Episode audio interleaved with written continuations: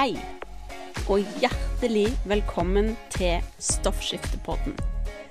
Denne podkasten er for deg som har hashimotos eller lavt stoffskifte, og har lyst til å lære mer om hva du kan gjøre med kosthold og livsstil for å få en bedre hverdag.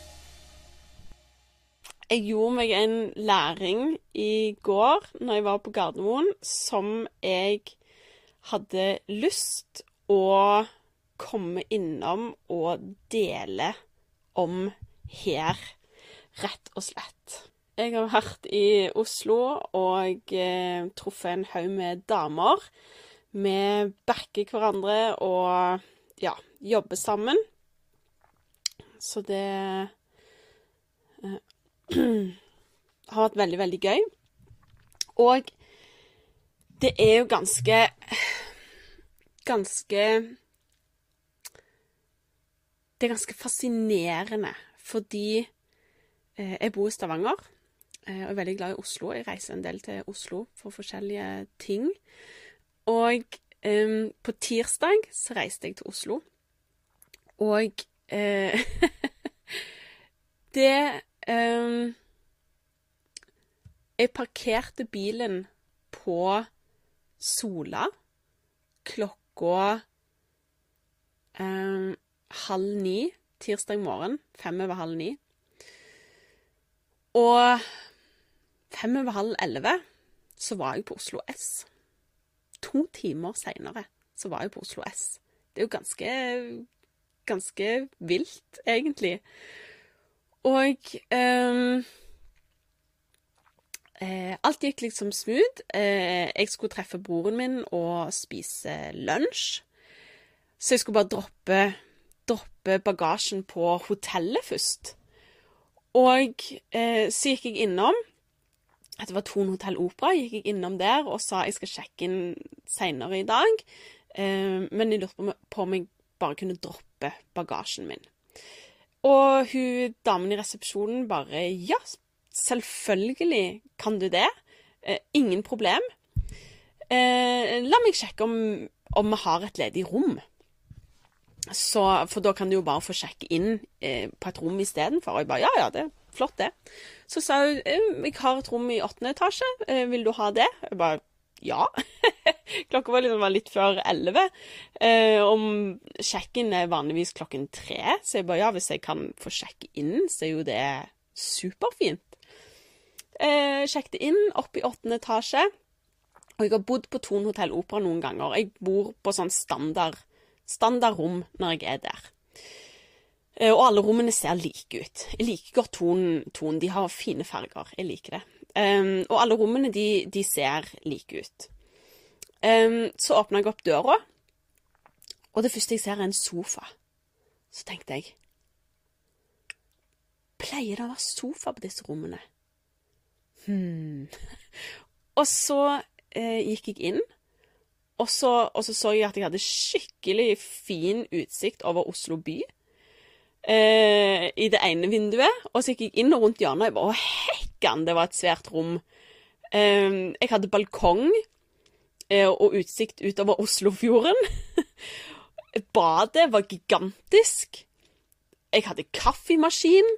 Det var liksom Ja. Det var ikke et standardrom, for å si det sånn.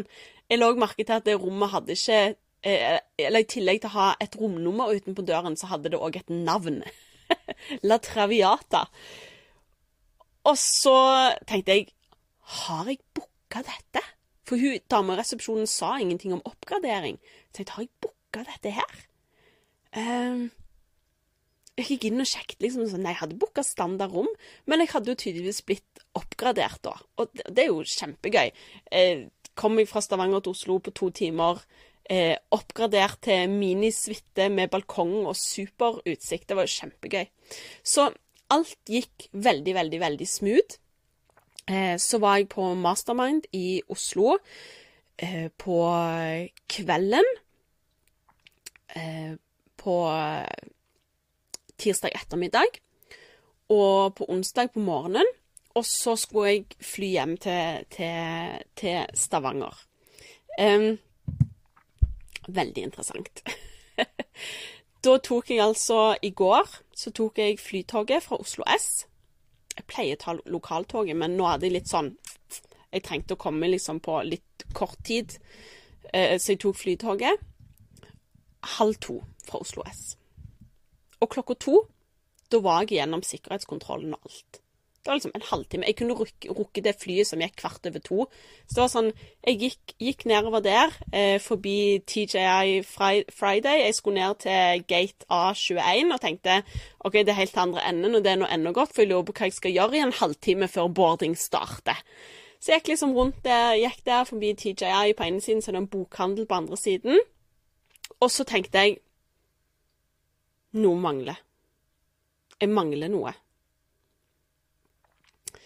Og så eh, tenkte jeg shit. Kofferten min. Fordi jeg reiste med håndbagasje fordi jeg skulle komme meg kjapt inn og ut. Og kofferten min lå igjen i sikkerhetskontrollen. Jeg hadde gått fra den. Og da bare raste det gjennom meg en sånn bare sånn Jeg fikk liksom full panikkmode, rett og slett. Det var bare oh no. Fordi du skal ikke gå ifra bagasjen din på flyplassen. Altså, hvor mange ganger har du ikke vært på en eh, flyplass, og så kommer det sånn bing! Please, all passengers, do not leave your luggage unattended. unattended. Så jeg tenkte bare oh no, no, no, no, no. Det, er ganske, det har gått et par minutter siden jeg forlot sikkerhetskontrollen nå. Eh, og eh, I hodet mitt så var det helt sånn alarm. Jeg tenkte nå kommer de til å liksom stenge ned flyplassen, bombe, tenke at det er en bombetrussel og alt sånn her, fordi jeg har bare gått fra bagasjen min i sikkerhetskontrollen. Så jeg liksom småjogga tilbake og eh, liksom kjørte skikkelig worst case scenario opp i hodet. Eh, og var liksom klar til å komme i sikkerhetskontrollen og bare 'Unnskyld, unnskyld, unnskyld, unnskyld. Jeg, jeg glemte helt ut at jeg hadde koffert. Beklager.' sant? Og så kom jeg der og liksom ser litt sånn febrilsk rundt meg. Hvor er kofferten? Alt så veldig normalt ut i sikkerhetskontrollen. Eh, og så så jeg at kofferten min lå der på en måte innenfor, så han var blitt tatt til siden når jeg hadde gått gjennom skanneren. Eh, og så så jeg at det var en mann som sto og holdt på med en koffert ved siden av. Um, og han hadde ikke kommet til min koffert ennå. Og jeg bare OK de har ikke merka at jeg gikk fra kofferten i sikkerhetskontrollen. For da var det liksom min koffert neste. Så tok han liksom min koffert da. For det var akkurat min koffert sin tur. Og bare 'Hvem er denne sin?' Og jeg bare 'Det er min!' Jeg hadde stått der og venta hele tiden. Bare 'Det er min koffert'. Eh, og så spurte jeg kan jeg åpne den, og sånn. Jeg bare ja, ja, selvfølgelig. Eh, jeg hadde glemt å ta ut Kindlen min. sant? Skulle legge elektronikk for seg sjøl, så Kindlen min lå inni der. Derfor var han blitt stoppa. Um, og så tok han ut Kindlen, kjørte kofferten gjennom på ny, og så sa, var alt, uh, alt i orden. Så det gikk jo bra. Men da Da skjønte jeg, når jeg liksom da bare har klart å gå fra bagasjen min i sikkerhetskontrollen, det var et tegn til meg på at Marita, nå har du kjørt for hardt på. Det var et kjempetydelig tegn for meg at nå har du kjørt for hardt på. Jeg hadde hatt en tett timeplan de siste dagene, og det hadde vært mye gøy, mye positivt påfyll og energi, men batteriet mitt var i ferd med å bli utlada. Jeg hadde ikke prioritert yoga. Jeg hadde ikke prioritert å ta mikropauser i løpet av dagen. Um, så nå var jeg der at jeg bare Og nå har jeg kjørt på for hardt. Jeg har tøyd strikken for langt. Nå er jeg i ferd med å gå tom. Jeg er i ferd med å gå på en smell. Og så var det sånn Livet skjer jo allikevel. Nå skulle jeg fly til Stavanger, jeg skulle undervise litt, jeg skulle på en korpsøvelse. Jeg skulle kjøre og hente hunden min, som var hos mamma. Jeg visste at jeg er ikke hjemme og i seng før halv tolv, kanskje midnatt. Um, og da tenkte jeg OK, nå, men jeg, jeg, trenger å stoppe litt opp nå. Så eh, for det første, jeg hadde jo da en halvtime til boarding, så jeg satte meg ned på en stol ved gaten og bare gjorde ingenting. Bare liksom slappet av, gjorde ingenting. Jeg hadde òg tenkt å jobbe på flyet. Flyet fra Oslo til Stavanger tar en liten time. Hadde tenkt å jobbe. Istedenfor å jobbe satte på en sånn rolig podkast som jeg bare kunne lukke øynene og slappe av og lytte til.